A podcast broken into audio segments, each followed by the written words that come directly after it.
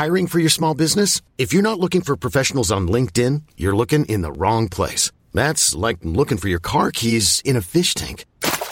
LinkedIn helps you hire professionals you can't find anywhere else, even those who aren't actively searching for a new job but might be open to the perfect role. In a given month, over 70% of LinkedIn users don't even visit other leading job sites. So start looking in the right place. With LinkedIn, you can hire professionals like a professional. Post your free job on linkedin.com slash achieve today. One size fits all seems like a good idea for clothes until you try them on. Same goes for healthcare. That's why United Healthcare offers flexible, budget friendly coverage for medical, vision, dental, and more. Learn more at uh1.com. Ever catch yourself eating the same flavorless dinner three days in a row? Dreaming of something better? Well, HelloFresh is your guilt free dream come true, baby. It's me, Kiki Palmer. Let's wake up those taste buds with hot, juicy pecan crusted chicken or garlic butter shrimp scampi. Mm. Hello Fresh. Stop dreaming of all the delicious possibilities and dig in at HelloFresh.com. Let's get this dinner party started.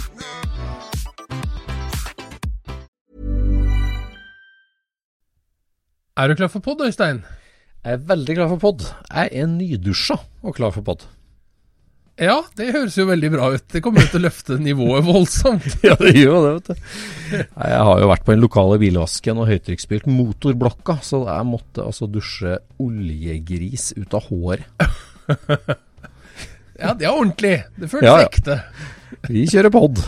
Vi kjører pod.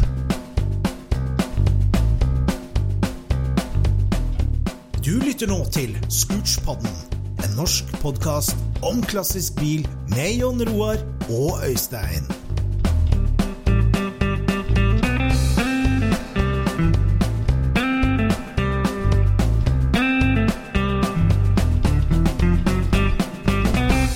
Kjære Scootspod-lytter, velkommen til en ny episode av Scootspodden. Podden som vi har faktisk diskutert litt kanskje burde bytte navn. Ja, vi diskuterer det innimellom. Ja, vi gjør det. Vi lurer jo litt på det, du som lytter, at hvordan er det egentlig å finne fram til en pod som ikke har noe om bil i navnet, og har et navn du ikke kan stave, ikke kan huske, ikke kan si? Eh, Men som er på alles lepper. ja da, det er sant. Vi har hørt mange varianter av scooch. Begrepet å skli ned i førersetet for å ha hodet ditt plassert på designplass i bilen din. Ja, og vi fikk jo en honorable mention. Ja, det var veldig artig. Det må du fortelle om, Jon Roar. Jo, vi fikk et eh, tips, et lyttertips, som uh, gikk på at uh, podkasten til uh, Chris Harris, Ja. 'Collecting Cars', der blei Scooch-begrepet nevnt. Og forklart nøyaktig slik som vi bruker det. Og det er utrolig artig. For å scooche, det betyr jo egentlig å skli sidelengs på kirkebenken, så du gjør plass til dem som stadig ankommer fra midtgangen. Det er jo scooch over som er begrepet, egentlig. Det er det, vet du. Og vi føler jo at vi fant opp det med å skli rumpa fram og ned. Eh, men det brukte også Chris Harris i sitt, eh, sin podkast. Ja, ikke Chris Harris, men en av gjestene hans sa det. Kanskje vi skal bare legge inn det klippet her nå? Ja, ja, det har jo vært artig. Ja, For det har vi lov ja, med sånn copyright-greier og sånn. vi kan jo bare gjøre det. det. kjører på, vi. Ja. Her kommer det. the, the, the bucket seats on 911s, I think we've all been conditioned to say, oh, it's like a racing driver's seat, it's a bucket seat. They're too upright. You have to sort of scooch down in them. So you're sort of, you're slouching at an angle and you've got no support. No, I think, I think that's Nice use of the word scooch as well. We like if that. you if you No, get it all wrong, Ja, der har du det. det, er- det. Ja, og så så gøy at Chris Harris litt svakt sier der at eh, ja, det er bra bruk av ordet scooch. Det Ja, synes jeg var kult. si det. Og så sitter vi her og lurer på å bytte navn, vet du. Ja ja, sånn er det. Men kan vi, kan vi krediteres det? da? Har ryktene om uh, kroppsbeherskelse i bil nådd England, liksom? Sånn at det blir brukt, Jeg aner ikke. Aner ikke. Jeg tror ikke det, altså. Nei, jeg tror det bare det er at uh, scooch, det er å skli. Ikke Ja. sant? Eh, altså, Skli med kroppen. Ja, skli med kroppen er jo det som er greia der, ja. Ja, det, Det vet er ikke reis deg opp og flytt deg bort. Det er ikke Nei. sånn, det er skli bortover. Ja, skli. Ja da, kjære lytter. Det er hyggelig at uh, du svinger innom for nye episoder av Skutsjbanen. Vi har hatt kjempemange hyggelige gjester eh, denne vinteren, og flere skal det bli. Ja. Eh, og sistemann ut var jo vår gode venn Exos Fredrik fra Porsgrunn, og det var jo en veldig hyggelig pod. Ja, det var det, vet du. En hyggelig gjest, og det er jo den røde tråden som vi har snakka om så mange ganger, med, med, som starter med plastbyggesett, RC-bil, Apache-sykkel, moped, første bil. Ja. og så er det jo sånn, med Fredrik, så var det jo hele den her olabildimensjonen òg, og den har vi prata litt for lite om. Under her. ja, for det var jo en viktig sak. Det var en kjempeviktig sak. Eh, den gikk jo For meg så gikk den jo egentlig parallelt med RC-biltida, da, sånn i hvert fall tidlig fase. da, Men jeg var Ja. enn for olabil. Er det fra 10 til 14 år, eller? Altså, jeg vokste jo opp i ei lita grend, eh, og der hadde jeg jo kompiser som var opptil fire år eldre. Ja. Og det vil si at min olatid begynte jo mye før Ja. den optimale tida. Så jeg har holdt på med olabil fra jeg var sånn syv, ja. opp til, eh, opp til 15, tenker jeg. Noe sånt. ja. ja såpass lang epoke. Ja, nei, for det, ja, det er jo parallelt da med, med Apache-syklene i hvert fall, og eh, ja, kanskje parallelt med litt Tamia òg, da. Ja. Men eh, dere som er oppvokst i byen, vet du, dere har det jo bra forspent med asfalt. Ja. Vi hadde jo bare grus, vet du, så vi var jo avhengig av å få tak i noen ganske svære hjul for at det skulle bli Ja. noe fart. ja. Og da ble løsninga hva for noe? Eh, Det var eh, fra store trillebårhjul og oppover. Det Oi. største vi hadde var vel trille... Nei, det var en slags sånn eh, hestevognhjul. Som var, de var riktignok bare i stål, det var ikke noe treverk i de, men de var sånn kanskje 80 cm i diameter, eller noe sånt noe. Ja. Men, men ting ble stort, da, ikke sant? for dette her var jo sveisa sammen. Det var en hjulgang fra en hestevogn. Det, det, det var fortsatt eh, senterbolt og, vipp, og svingplanke. Det var ikke Selvfølgelig, det var selvfølgelig var det det. Nei, nei. Det ble begynt på spindelbil òg, men eh, det fikk vi aldri ferdig, sånn som jeg husker det. Nei, jeg hadde jo min gode venn og nabo Tore. Tore Eriksmann som var det, han fem år eldre enn meg, kanskje. Vi var ganske stor forskjell, men han var jo superinteressert. Og, det var, jeg- og han fikk jo tilgang på sveiseapparat, husker jeg, for han starta på maskin og mekk. Ja. Det tok jo helt av, vet du, med rattstamme og trinser og tvinnetråd og greier, så det var jo helt konge. Det med olabilene ble Ja, ja, altså. ja. Det var- Og så når du hadde lekt drittene med Lego òg, så visste du jo akkurat hvordan du skulle lage en forstilling. Mm, Det var jo ikke, det var ikke vanskelig. Det var jo bare å kjøre um, akebrettteknikken videre. Uh, ja, ja. Mm, ja, jeg skjønner. Ja, nei, det, det var tider, altså. Det var fenomenal. eh. Det der har, her til Bjørn Rokseth, vår sekretær, som noterende tema til hele podda, så Olabilpodden, den eh, kommer. Den, den må komme. Og dette her med å bygge shopper av sykkel. Det må Ja. også Ja, være ja, en sak. må, det må i hvert fall være med. Og det å stagle med shoppergaffel som ikke er sveisa, det må vi òg. Her er det nok noen historier, ja. Ja, det har vi snakka for lite om, ombygging av sykler, for det var jo veldig intenst. ja det, ble, det var Altså, custom-greia, det er Ja. en barnelek som går rett inn i voksenalderen. Det, altså. Ja, det, altså, sant. Å forandre på ting var jo Den gang du gjorde det, når du begynte med både Lego og alt det andre her sånn, så var jo det for å få tida til å gå, egentlig. At Ja, du begynte med ombygging. det var jo det. Det var jo det.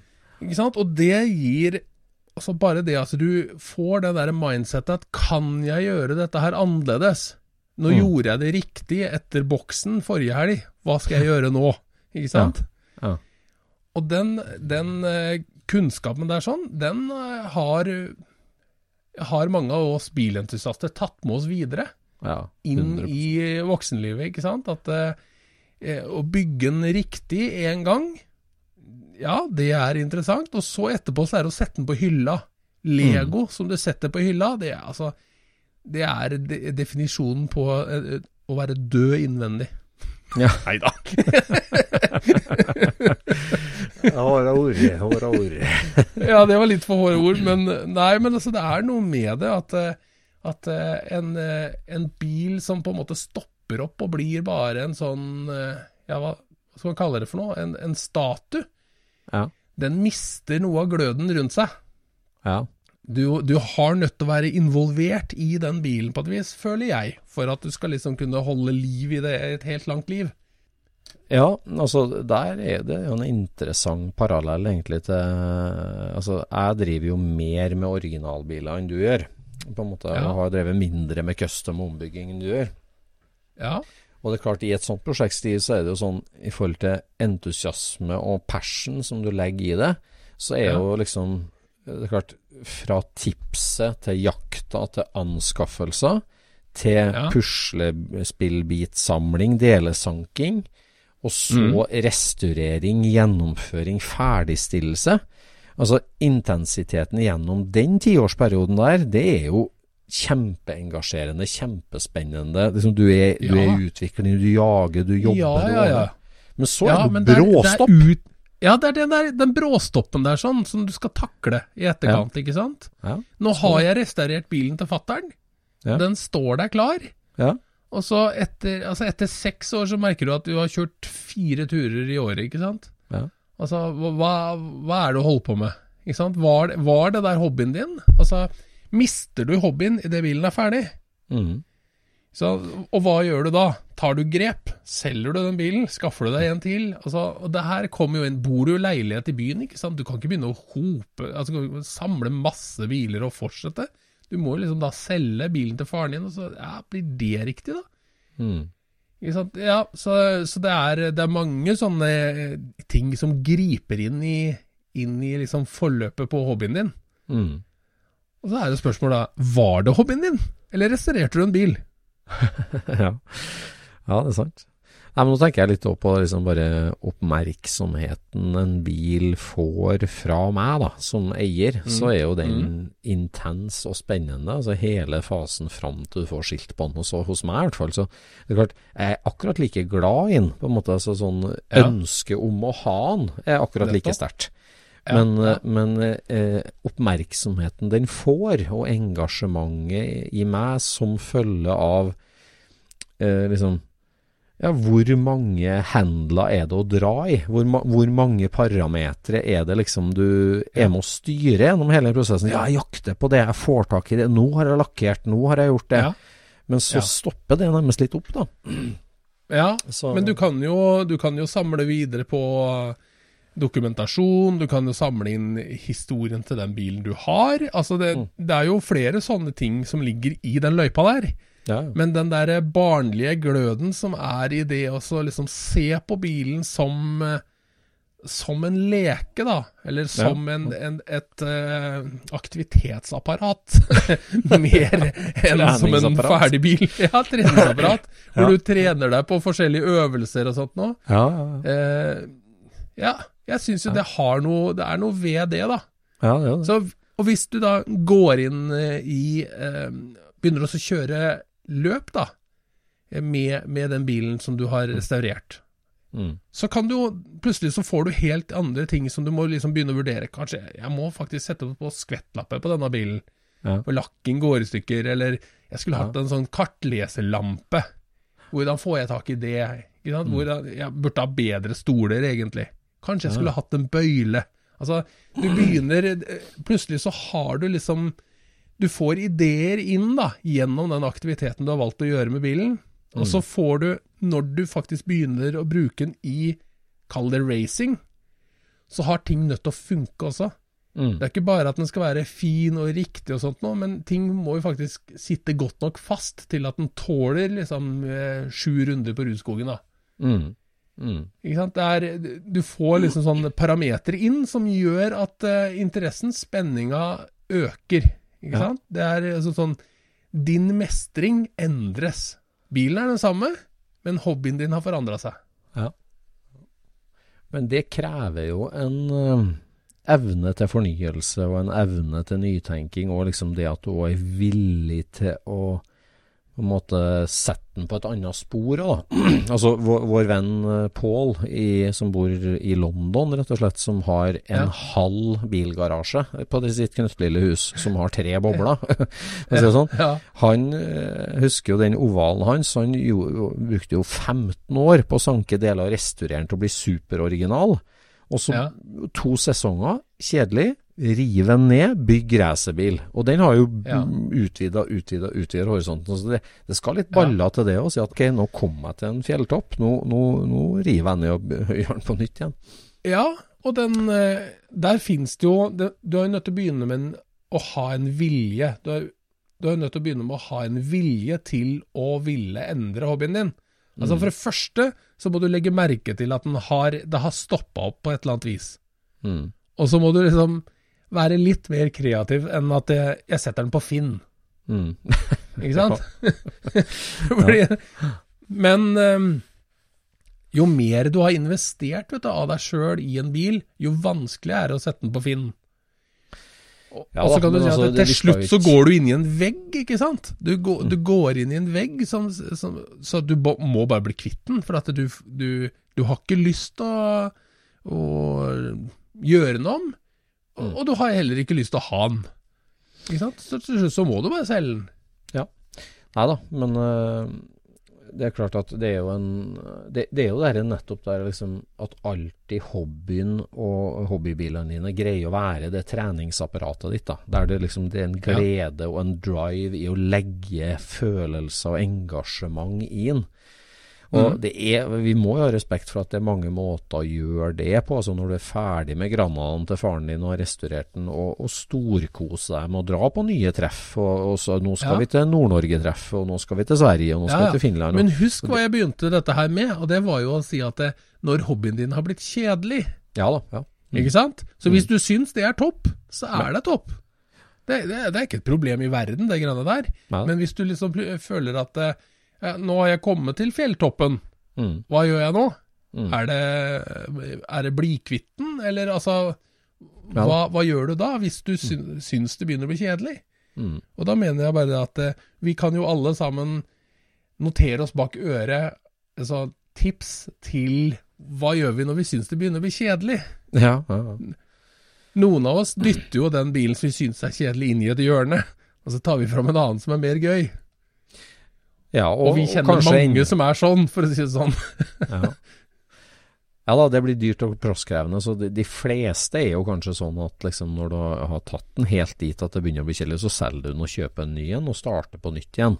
Og, og Ja. greier å engasjere deg like mye i Volvo P1800 enn etter at du har restaurert en PV. Liksom, og det, Ja, ja. det, er jo, det er jo helt naturlig. Jeg tenker på bilsamlinga mi, òg, for å si det sånn. Der, der mange biler er ferdige og på skilt, og mange biler er ikke ferdige og ikke på skilt. Så er det jo mange som er på besøk eh, og ser sånn Å, herregud, her er det mye arbeid. Liksom. Her, er det mye, Ja. her gjenstår Ja. det mye restaurering og mye arbeid. Men altså, det høres jo kjempekjedelig og trist ut hvis absolutt alt skulle være helt ferdig, og de bare skulle stå der. Liksom. Det, det er jo mye, mye mindre engasjerende for meg enn at jeg hele tida har de ti urestaurerte, da, for å si det sånn, som, som du, jeg jager deler og finner ut historier. Oi, et sort-hvitt-bilde fra den. Og liksom når, du, når det alltid er eh, Er ikke det en slags misforstått eh, tolkning av hobby, det det der da? Jo, det er Altså, det. Absolutt. altså hvis, du sam, hvis du samler på nye Ikea-møbel Ja. Altså, hvor stopper det, og hvor begynner det å bli interessant? Altså, det, det er jo ingenting. Hvis du samla på Hvis du kjøpte biler på Finn, bare satt og handla biler på Finn og satt inn i et lokale, Mm. så hadde de menneskene kommet og sagt Her var det ikke mye som ikke var på stell, nei. nei. Sagt. Men, men, men hva er Det er jo ingenting. Nei, Det er jo nei. ingen verdens ting, det.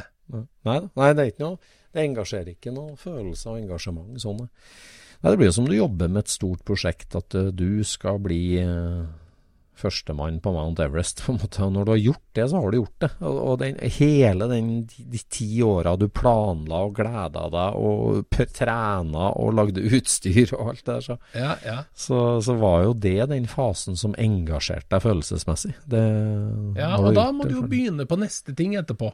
Ja da, det må han. Han må evne å fornye seg hele tida. Men eh, ja, altså du trenger jo bare det hvis du syns at det som du dreiv med nå har blitt kjedelig, nå har det dødd ut, ikke sant? Ja, ja. Så du den der eh, Den bilen til han John Dodd var kommet til salgs? The Beast? Nei. Jeg vet ikke hvilken bil engang.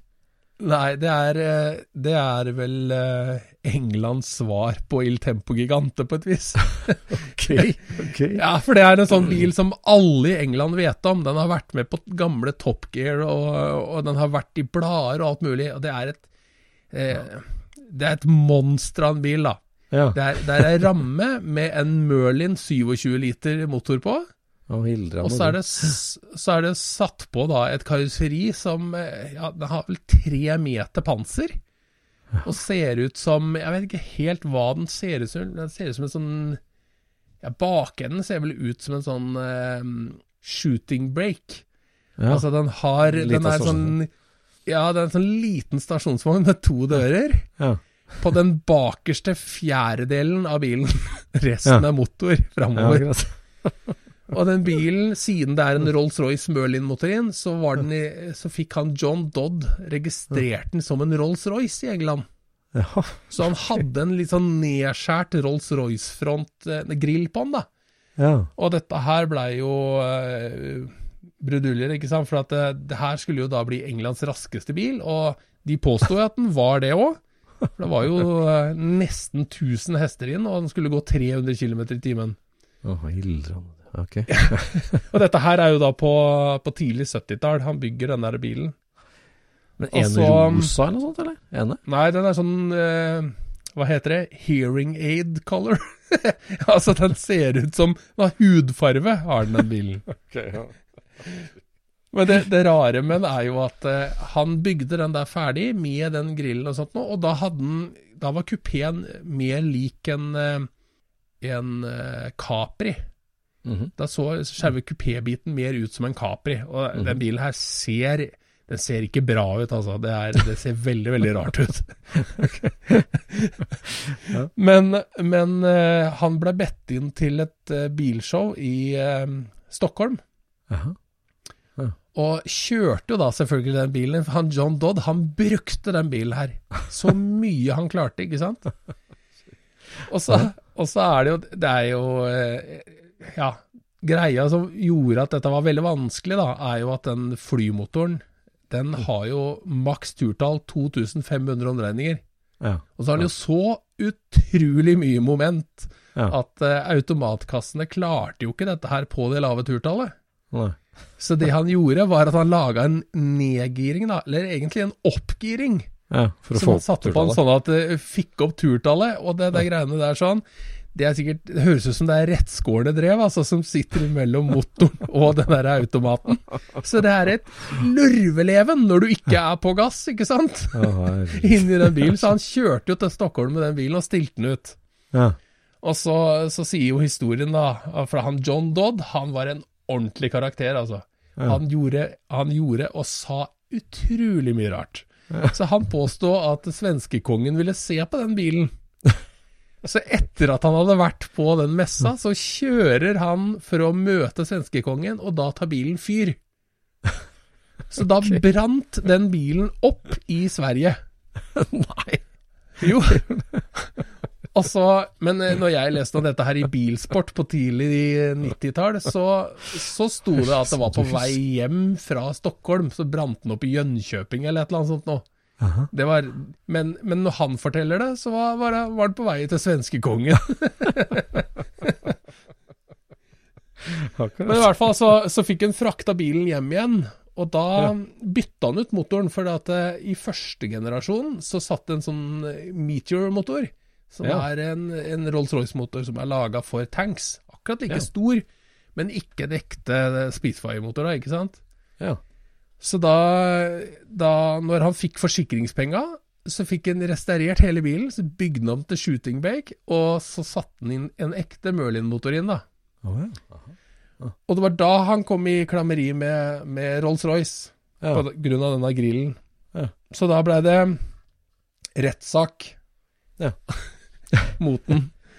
Og da, første dagen, så kjørte han denne Rolls-Roycen til rettssaken. Så da hadde han 1000 hester. Og dagen etter så kom han på én hest.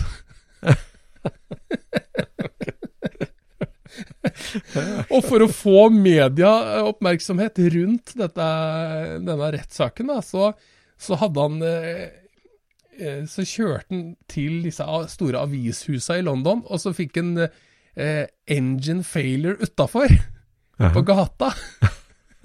Plutselig stoppa den bilen utafor der. Ja, og da kom de ut med kamera. Da kom de ut med kamera, da, vet du. Men han tapte jo de greiene der, vet du, så han, han fikk jo eh, Jeg lurer på om det var 100 000 i bot, eller altså at han måtte betale rettssaken, eller hva det var for noe. Og da tok han av den grillen, Ja. og så flytta han fra England. Nei.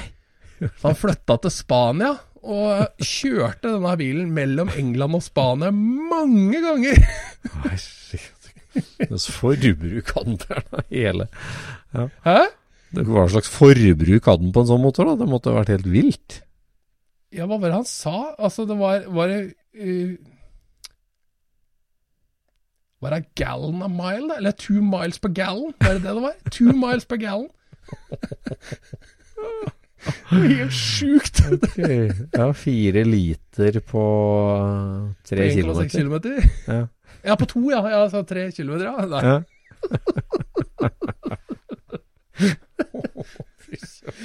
Men, eh, men. Mm. Og han, er, han John Dodd der, han hadde uttalt et mål om å bli 100 år. Men det Ja. ble han ikke. Han ble 90. Oh. Så han døde i fjor. Oi. Så nå, akkurat nå som vi spiller inn denne her, så ligger den bilen ute på auksjon i England. Nei. Så nå, nå kan man kjøpe den bilen hvis den har lyst, da. Som Rolls-Royce, eller? den ser eh, Ja, den er jo registrert som det fortsatt. Ja. En. Og den ser veldig strøken ut, faktisk. Ja. Den, er, eh, den er veldig hel og pen. Og den Nei. har tydeligvis blitt eh, litt restaurert nede i, i Spania også, så det er masse folk eh, som, som skriver om denne bilen på nett da, og har sett den som guttunger i Spania og fått sitte på med han er John Dodd. Og, ja, og han kjørte hardt med dette greiene, altså. Jeg tror det Uten at jeg har sett den, da kan vi si at jeg har sett den, så vil det føles det som jeg foretrekker Reodor Felgens nasjonalsymbol nasjonalsymbol fremfor Ja, Den er faktisk linjelekker i forhold, syns jeg, men, eh, men det, Det er nå det. Det er litt. Men, eh, Ja, men der har du liksom kunsten å ha bygd én ting og ta vare på det resten av livet, ikke sant. Det er jo Mm. liksom et, et livsverk. Mm. Han kunne jo ikke skilles fra den bilen, for han var den første som fikk til å Mm. kjøre med en, eh, en, en Spitfire-motor i en bil, da. Mm. Visstnok. Mm. Så da, da blir det et livsverk, ikke sant. Det blir et livsverk. Mm. Ja, når du da greier å hele tida lage nye eventyr med nå, da, på en måte med liksom Mm. Sverigetur eller rettssak eller flytting eller Så Ja. det så det Han påstår jo det at han hadde kjørt forbi en, en eller annen baron på autobanen. Baronen kjørte Porsche Turbo, og så ble han frakjørt av den der. Og da hadde Rolls-Royce fått en telefon fra han baron som lurte på hva det var for slags hatchback eller shooting break som de hadde laga som gikk så fort. Selvfølgelig bare rør. men, eh, men det er artig lell. Ja, ja, ja. ja. Apropos roadtrip. Vi har jo snakka om en karakter før eh, i poden som heter Blue Nelson fra California. Ja. Eh, Blue Nelson var jo veldig kjent på 90-tallet for sine verdensomspennende reiser i bil. Han eh, ja. Han kjørte Han får unormalt mye omtale i denne podden for hvor kjent han var, egentlig. Den gangen så hadde det vært normalt, men nå er det veldig få som husker Blue Nelson. Altså. Ja, men det kan, kan forandre seg litt, fordi at eh, han, uh, han er liksom uh, veldig aktiv igjen, på en måte. Han, har jo, han var jo veldig glad i faren sin, som var liksom både Altså Faren han tok jo delivery av to biler hos Porsche. Altså Han kjøpte nye Porsche. Han var filmskaper i Hollywood og, og fikk en 56 Speedster levert splitter ny, og en ja, kanskje 5, 76 Turbo eller noe sånt. da Han mm. fikk liksom to biler levert som, han, som han henta, i, henta på fabrikken og kjørte rundt i Europa tok med seg hjem dit. Og han Blue liksom vokste opp med det der, der Porsche-interessen og sånt. Og nå døde faren for en par år siden. Eh, og de gjorde jo masse turer sammen. De restaurerte jo den speedsteren og kjørte på tvers av USA med når de var til Alaska med når de uh, har gjort mye sammen. Ja. Nå, så nå har han liksom litt mer sånn frihetsgrader, da. Og så har han mm. solgt noen biler og kjøpt noen biler og liksom driver og herjer på det. Så nå Uh, han kjøpt seg en gigantisk Bentley uh, fra en lord i England. En uh, helt spesiell, rar Bentley som eh, er invitert på Goodwood uh, for å være med der, den Bentley. Men han har kjøpt den, så nå kommer han over i april da, for å kjøre Bentley til Goodwood. Eh, og etter han har kjørt Bentley til Goodwood, så skal han kjøre den til havna. Og så har han kjøpt seg en Mercedes sånn ponton-Mercedes. En sånn type ja, vet ikke, 59-60-modell, firedørs sak, som han har kjøpt ned i Sør-Frankrike. Og Da skal han kjøre en liten sånn europaturné med den Mercedesen, da, før han setter den også i containeren og tar med både Bentley og Mercedes hjem til USA igjen. Aha, okay. Og eh, når han da kjører fra Sør-Frankrike opp til Essen Motorshow, eh, så vil han komme videre oppom Oslo-Trondheim Nei, Oslo, Oslo, Norge, før han skal ja, videre okay. til England. så han driver altså og planlegger europatur nå i vår, og ikke umulig at han svinger innom Scootspoden heller. så da, det hadde vært krona på verket, altså. det hadde vært artig. Så det, det, er slett ikke umulig, så det, det, blir artig. Skal vi høre hvordan det går. Ja. så. Det hørtes jo gøy ut, da. Ja, det blir gøy. Det blir gøy. Så um... I'm Sandra, and I'm just the professional your small business was looking for. But you didn't hire me because you didn't use LinkedIn jobs. LinkedIn has professionals you can't find anywhere else, including those who aren't actively looking for a new job but might be open to the perfect role, like me. In a given month, over 70% of LinkedIn users don't visit other leading job sites. So if you're not looking on LinkedIn, you'll miss out on great candidates like Sandra. Start hiring professionals like a professional. Post your free job on linkedin.com/achieve today. Hold up. What was that? Boring. No flavor. That was as bad as those leftovers you ate all week. Kiki Palmer here, and it's time to say hello to something fresh and guilt-free. Hello Fresh. Jazz up dinner with pecan-crusted chicken or garlic butter shrimp scampi. Now that's music to my mouth. Hello Fresh. Let's get this dinner party started. Discover all the delicious possibilities at hellofresh.com. Apropos ungdomsutskeielser, uh, radiostyrt bil og Apache og olabil og alt det Jeg har fått et blaff med modellbildilla igjen i det siste. Har du? Ja, jeg har det. Virkelig, altså. så, for det er jo så Jeg klarer ikke å selge noen ting. Så jeg kjørte jo veldig aktiv RC-bil fra 1980 Altså første bilen fikk jeg jo i 1980. I 1987 ja. besøkte jeg jo Associated og kjøpte meg RC10.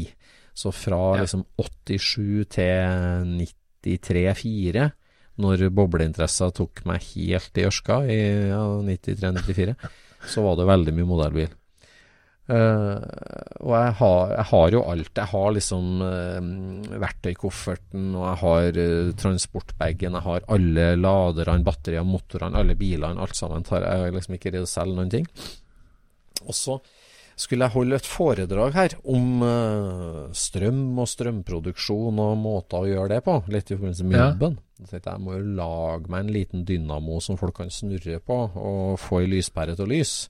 Sånn at alle i hele verden skjønner at uh, solceller lager strøm på en stillestående måte. Alle andre måter å lage strøm på handler om å snurre rundt en motor, eller ja. en ja. generator.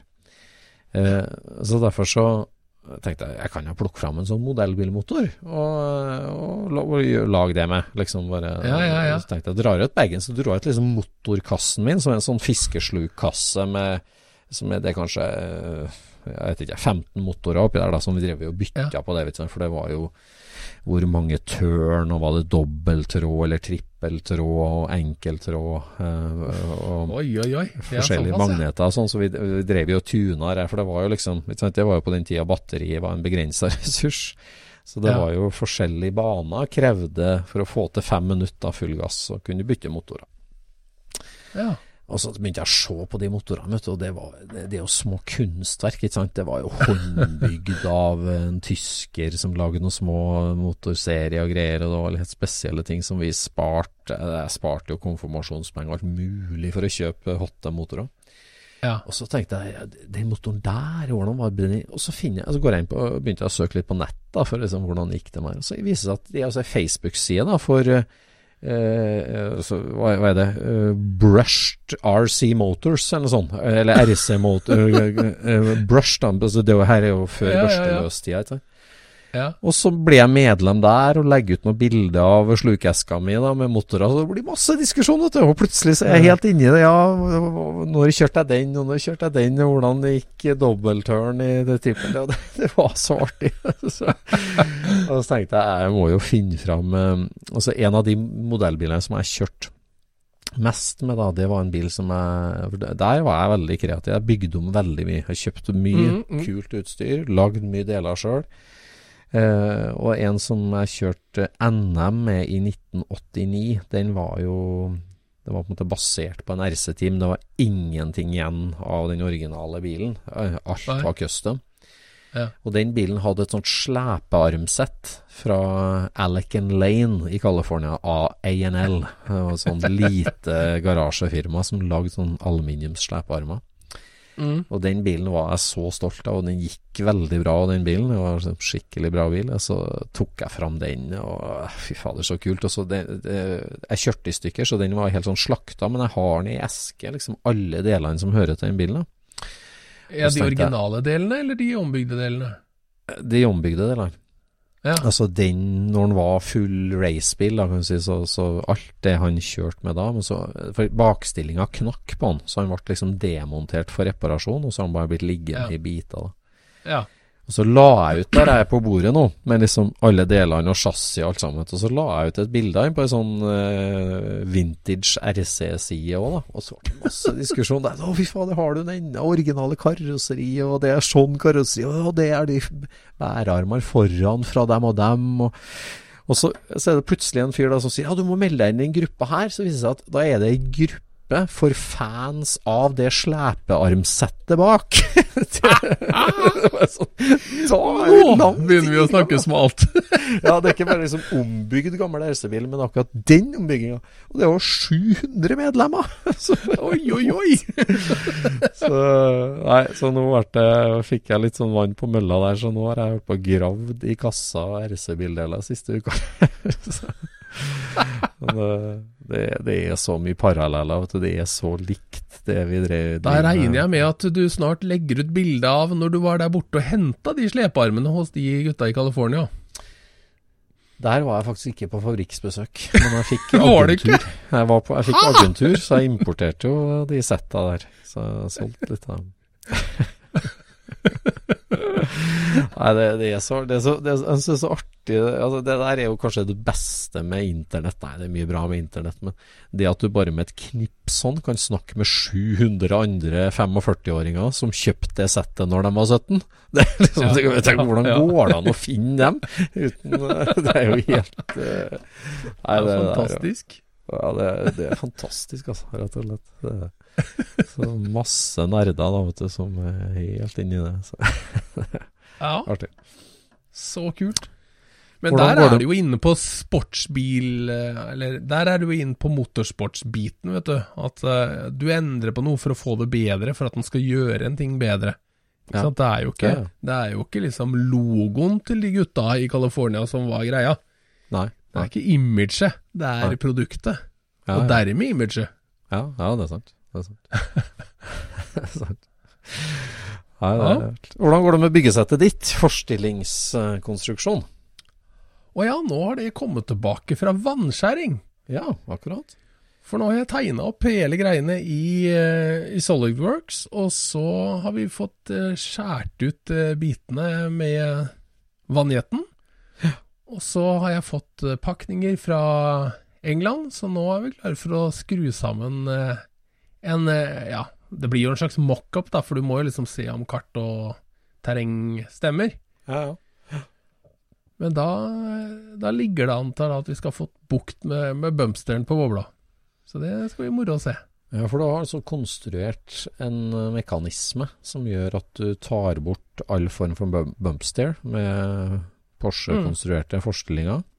Og nå driver du og bygger en helt fullskala funksjonell prototype på det. Ja. Du ser for deg liksom at du kan lage et kit da, som du kan selge, som folk bygger om folkevogna si til? Ja, altså jeg viste deg jo en 3D-rendring av, av det kittet. Um, og så sa du Men må det være så vanskelig? Ja. Må det være så komplisert som det jeg hadde tegna det? Ja. Og så sa jeg at uh, ja, jeg mener at, uh, at det må det være. Ja. Men ikke sant, det er sånn når du holder på med ting så lenge som det jeg har gjort, da, så har du på en måte glemt hvilke sånne eh, Hva kaller man det? Sånne vendingsbøyer du må rundt Ja. for å komme i mål, ikke sant? Du har glemt noen av dem, så du husker at det, det er nok en grunn til at jeg kom fram til at det må gjøres sånn og sånn, men du husker ikke grunnen lenger. Men nå hadde jeg jo modellert opp nærmest hele bilen foran. Ja. Både rammehue, innerskjermer eh, og mm, forstilling, spindler. Alt sammen er der. Og da kunne jeg jo faktisk dobbeltsjekke at, eh, at jeg måtte eh, gjøre det på den avanserte måten, og så fant jeg ut at det må jeg ikke. Jeg kunne lage en enklere. Ja. Så da brukte jeg jo vel egentlig bare Jeg tror jeg brukte tre timer jeg, på å gjøre den om til en enkel versjon. Yes.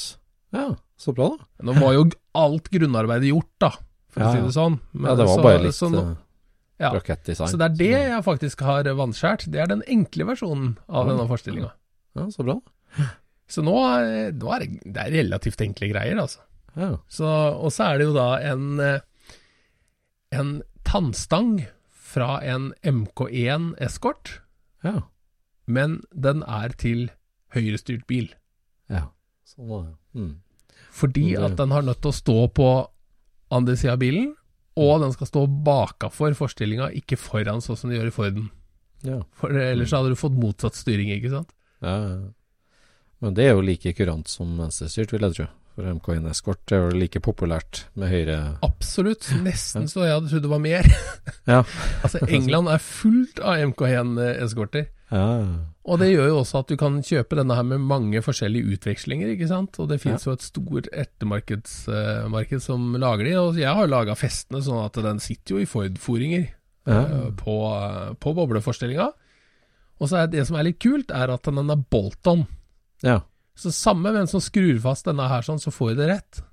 Det- Jeg trodde det var Weldon, jeg. Det er ikke det? Nei, nei, nei. Det er, nei. skrur det på. Ja, det det. Og samme hvem som skrur det på, så blir det riktig. Ja. Så det, det har jo vært en del av utfordringa, for å si det sånn. Men lager du nå liksom en sånn uh, pidestall-type forestillingsmockup som du skal vise fram, eller skal du sette det på en bil? Har du tenkt. Nei, Jeg hadde tenkt å sette det på jordbobla, jeg. Ja, det er det. ja.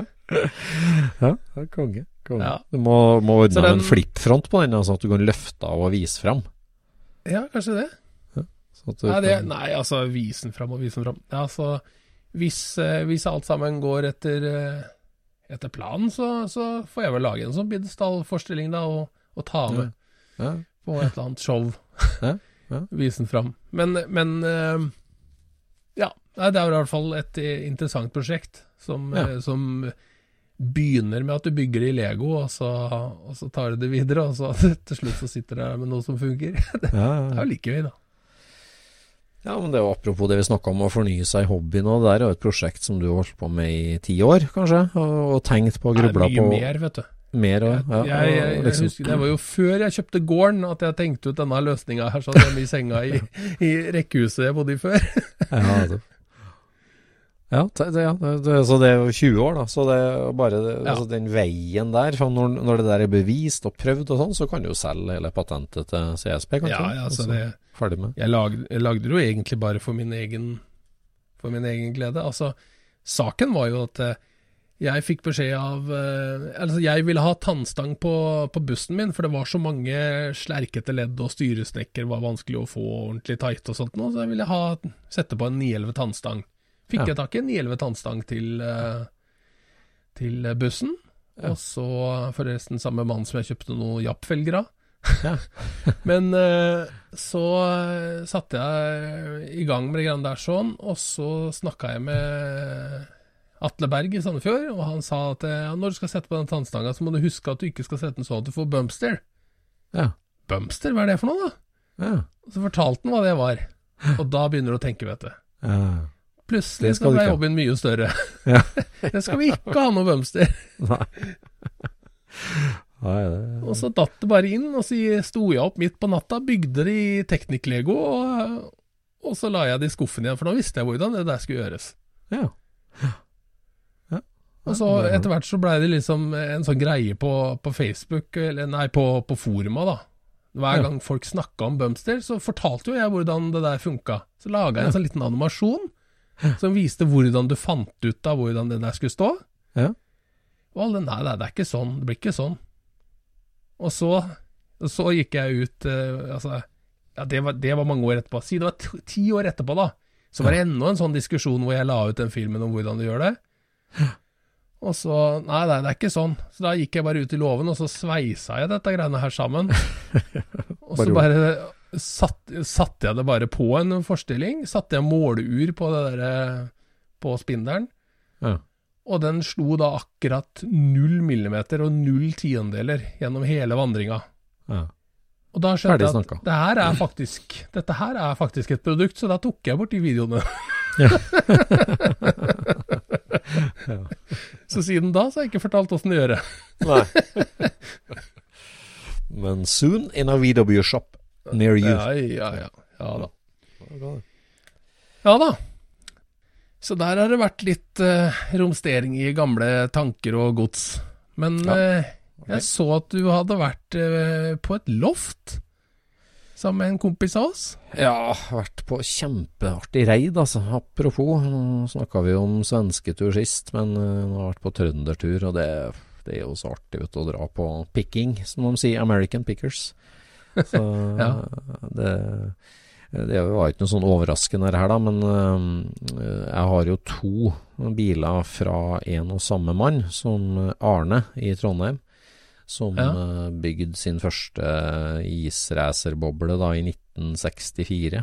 Han, eh, da fikk han tak i en Switter, en gammel Switter, Ja. som eh, da bodde han nede i Larvik, Grimstad, og så bygde han den uh, Kjøpte motordeler fra USA, uh, bygde trimma motor med blå hammerslagslakk, lakkerte den oransje ja, Var det her bruksbilen hans, eller hva var det? starta, noe, som, liksom? starta som bruksbilen. Eh, liksom Ja. Fått i første arbeidsplass, fått, akkurat fått barn. Og, og så, og så utarta det seg litt etter hvert. da Han begynte å kjøre litt PO-løp, og så kjørte han litt israce, og så begynte han å kjøre litt rally. da Og Ja. bobla utvikla seg. Det ble liksom øh, 14 ganger 6 bussfelger på han for å få breidekk. eh, Ja. Doble gasser av TDE-sett, eh, hammerslagslakk, eh, GT-ratt, eh, båt-GT-stol, eh, det ble vel litt instrumentering òg, eller? Ja, litt instrumentering. Og oransje med fake vinyltak lakkert.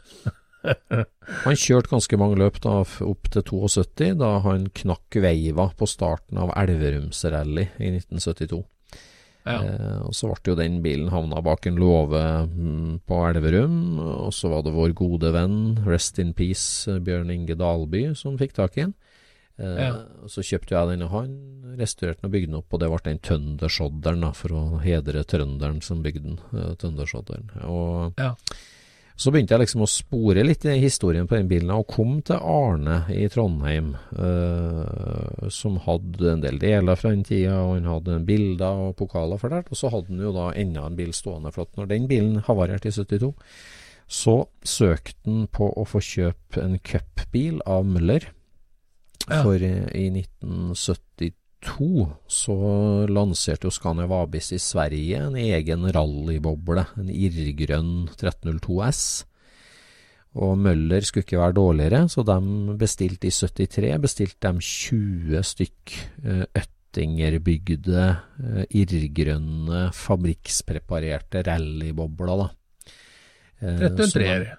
1303. 1303 S Cup ble den modellen hetende. Egen chassisnummerserie. Solgte dem 20 stykker i 1973. Uh, og så var det så populært. Blant annet han Arne, da, vår venn, han ville også ha, så han sto på venteliste. Så tok de hjem fem stykker i 1974 òg. Da hadde de en ny forstilling, og, og den der cup-versjonen, den kom jo da med skliplate foran og bak. eh, Jekkfestene var fjerna. Eh, han hadde oljekjøler foran med luftinntak Ja. under, eh, under panseret. Uh, Ja. Den har fullt bur, Recaro-stoler, uh, Halda-utstyr, Øttinger dobbeltgassemotor. Uh, irrgrønn bil med svartmatt panser, svartmatt motorluke. Kjempekul historie, egentlig. Altså, Ja. Der Harald A. Møller da, du søkte om å få kjøpe den, du måtte forplikte deg til å kjøre VV-cupen, minimum fem løp gjennom hver sesong, i tre år. Ja. Og, Men øh, den bilen, var det Mm. Øttinger som bygde bilen? Eller altså, var dette her eh, Volkswagen som satte dette sammen, eller åssen fungerte det der? For det høres jo ut som hvis du skal ha bort støter, altså hvis du skal ha bort jekkfestene, så må du jo gripe inn veldig tidlig i produksjonen, ellers så må det noen Ja. sitte der og slipe det av igjen. Nei, altså, altså det det, det står, da, er jo at uh, karosseriet er stivere, for det er mer punktsveiser i karosseriet, står det i Er det det, på. Så det er en okay. egen chassisnummerserie, så det var Folkevogn som bygde dem. Eh, Ja. Og de, de brukte nok de skala der eh, Altså Belgia gjorde det samme, for, uh, Sverige gjorde det samme, så, så Ja. de var, det var litt forskjellig fargekoding på dem, og litt forskjellig utstyrsnivå, kan du si. da. Men uh, de, Ja. de norske, da, som var 25 stykker til sammen, eh, de var grønne alle sammen og var lik Da. Så det, var vel at Folkevogn bestilte eh, motorer ferdigbygd fra Øttinger, da, som de satte inn før de Ja. ble sendt til Norge. For det der er jo et ankepunkt jeg alltid har mot folkevognhobbyen. Det fins jo ikke noen spesialversjoner av folkevogn. Nei. Det er jo så lite sånt. Vi Ja. har liksom Har du soltak? Er det cab? er det USA-fangere? Full stopp omtrent, ikke sant? Det er ikke, det er sånn ikke masse GT-er og spesialversjoner og Mexico og alt dette greiene her sånn. Vi har, vi har noen få ting, men der har du virkelig noe. Ja, og, og det der er jo Altså, det, det er jo en grunn for det. Altså, vår venn Heinz Nordhoff uh, var jo strengt imot alt sånt som det der. Så det var jo eh, Heinz Nordhoff, han, han stoppa jo Gian, og han, han ville jo ikke ha Altså, det skulle være en standardbil. Ferdig snakka. Ja. Det skulle ikke være spesialgreier. Men Nei, det her var et markedsstunt, og for, klart for Harald A. Møller òg, så når du da fikk forplikta førerne til å stille opp i en egen cup som gikk parallelt med annen rally, og det var jo det her var jo når, eh, sant, når eh, ja, hva heter kommentatorene på TV nå, Arne Skeie og gutta, ikke sant, og det her gikk jo på. TV, det var jo en kjempereklame, ikke sant. At, Ja, ja, eh, ja. Eh, Det her var jo datidens gladiatorer, det vi snakka om før, og det her varte jo på 70-tallet. Altså. er så når jeg da drev og spora historien på den suiteren jeg hadde kjøpt, så kom jeg til en Arne i Trondheim, og det her er vi jo nå, nå er vi midt på 90-tallet, skal vi se, nei, vi er slutten av 90-tallet. Og Mm. da, da var det en veldig hyggelig prat, og da sto jo den cupbilen der. Da hadde jo han, eh, sønnen hans, begynt å bygge den om til originalbil, plukka ut buret, plukka av skliplatene. Eh, Ja. Lakkert den koksgrå, men ellers så var den jo veldig, veldig intakt og veldig fin, den bilen. Eh, sto i en garasje der i villastrøket i Trondheim. Ja. Eh, og jeg fikk jo blod på tann, og fikk jo kjøpt den bilen. Og så, og så på og snakka med han Arne stadig vekk, og fått kopi av bilder og forskjellig. Og han har alltid sagt liksom at jeg har jo mye pokaler, har mye deler. Vi hadde jo med oss en hel henger full av deler, masse fjærbein og isdekk og, og Ja. ja. mye utstyr da til den bilen. Mm. Og så skjedde jo det her rett før jul, at eh, plutselig sto dødsannonsen til han i Adresseavisa. Og Ja. da tok jeg kontakt med arvingene, eh, og forklarte at jeg hadde begge bilene og alt sånt. De hadde hørt om det og sånt, og det var veldig hyggelig prat. Og kortversjonen var jo det at de hadde gjort seg ferdig med boet, kan du si, og tømt alt det de ville ha fra det boet. Mm. Nei, Så da ringte jeg på vår gode venn uh, Anders Lien, og vi tok en kveld der. Og da ringte meg arvingen og så sier han liksom at ja, jeg samla en del sånn bilgreier i kjellerstua. Eh, ingen av oss som er interessert i Vi har tatt vare på noen pokaler og litt småtteri og sånn, samla i kjellerstua. Uh, Og så er det noen deler ute i garasjen, liksom. Og, vi, og, og, det er kjempehyggelig at det kommer sammen med bilene, og, og bare forsyn deg, liksom. Og så sa jeg at jeg betaler en symbolsk sum for det, og så ble vi enige om det, og følte jeg over det. Og så dro jeg dit og tenkte at jeg skulle hente noe småtteri i en sofa i kjellerstua, da. Men ja. det ble jo altså tre timer med hodelykt i, alle, en container, en to-tre garasjer, en smekkfull enebolig fra loft til tak. Og det var så mye artige greier, vet du. Det var altså På soverommet så sto bladkassettene med Hot VVS fra 1977 til 1987. Komplett serie Hot VVS. En hel vegg på stua full av pokaler med, med, med alle mulige rallyløp, da, helt fra tilbake til 64-65 og oppover, til 81-82 når den ga seg. Og i kjellerstua hjelmer, intercom, kjøredress, eh, fullt kartsystem for hele Midt-Sverige og hele Midt-Norge, sånn finlese kart. Eh, kart. Ja. Eh, VHS-kassetter med videoer fra mange av de rallyene han kjørte. Resultatlistene, løpsprogrammet.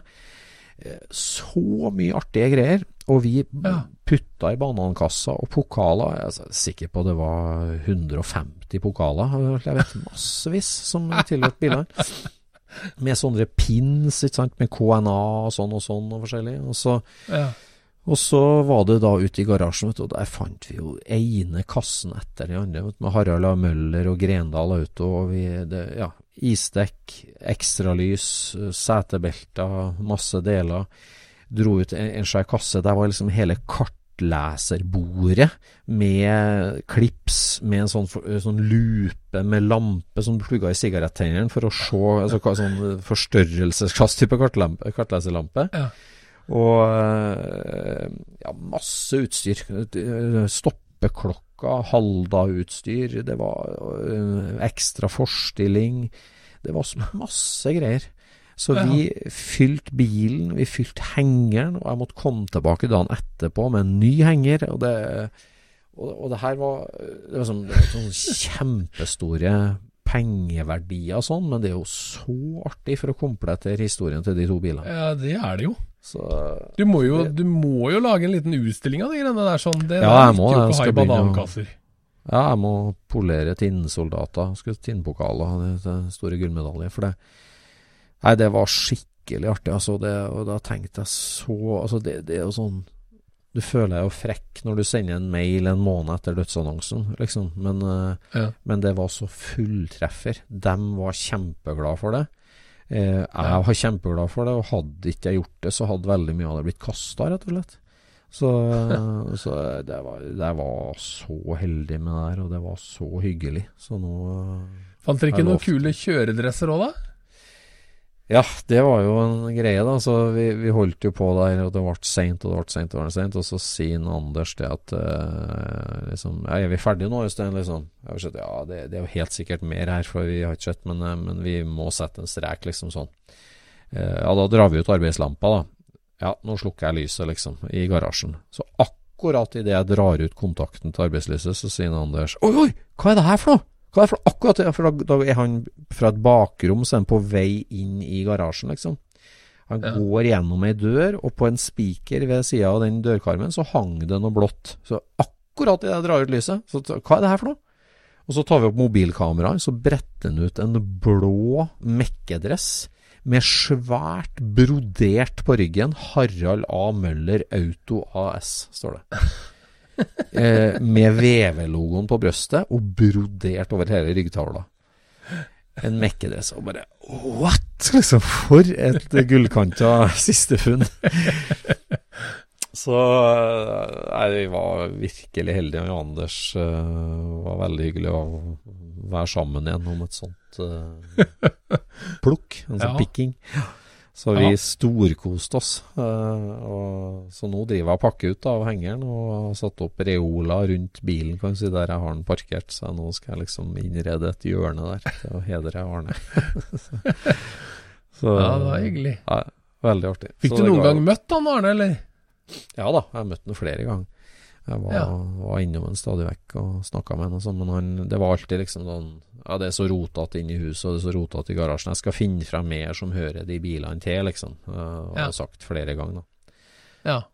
Så no, noe som Men den gangen du kjøpte den der, den cupbilen, da, var det fordi at det var bilen til Arne som hadde hatt en kul karriere, eller var det for at det var en cupbil du kjøpte den?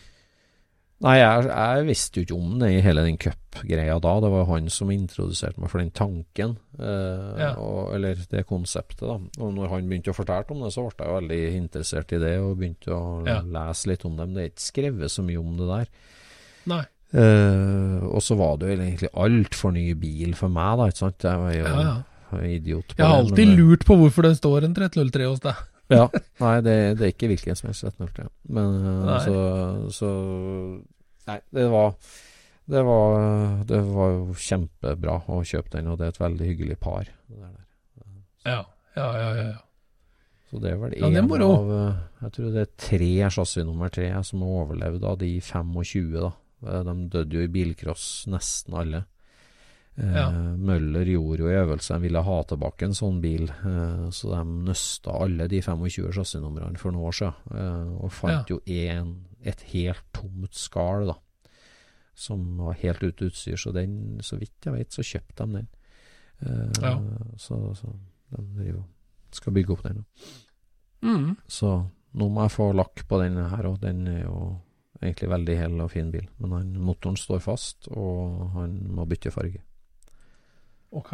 Så Motoren står fast, ja. Vel, kjære lytter, det var eh, Vi går mot slutten på dagens episode, men Jon Roar først. Har vi fått noen nye patrons siden sist? Det har vi, vet du. Vi har fått eh, Terje Gustavsen, Ja. Kjell Roar Foss, Ja. Petter Sand, Ja. Jonas Brekka, Ja. Kurt Jonas Haugnes, ja. Håkon Dalland, Jonny Steiro og Pål Segakis. Der har du det, vet du. Kjempebra. Og eh, bare vent, det kommer, mere, det kommer flere episoder forbeholdt bare bare Ja, det gjør det. Så det er ikke dumt å melde seg mens leken er god. Ja, det er mye å snakke om. Neste uke så har vi booka inn en kjempespennende gjest. Ja, det så det er bare spesielt. å følge med her i Scootspoden. mhm. Takk for i dag. vi prates. Ha det bra. Scootspoden produseres av SSC Media, med god hjelp av VV Norge og Trond Dahl for hosting, Knut Micaelsen for musikk. Abonner på Scootspod via podcaster eller Acast, og følg Scootspod på Instagram og se det vi snakker om. Der kan du også komme med kommentarer og innspill, og fortelle oss hva du vil høre om.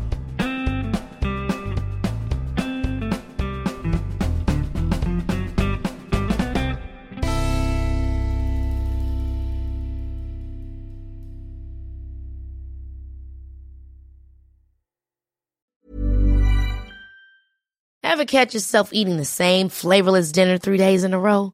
Dreaming of something better? Well, HelloFresh is your guilt-free dream come true, baby. It's me, Kiki Palmer. Let's wake up those taste buds with hot, juicy pecan-crusted chicken or garlic butter shrimp scampi. Mm. Hello Fresh. Stop dreaming of all the delicious possibilities and dig in at HelloFresh.com. Let's get this dinner party started.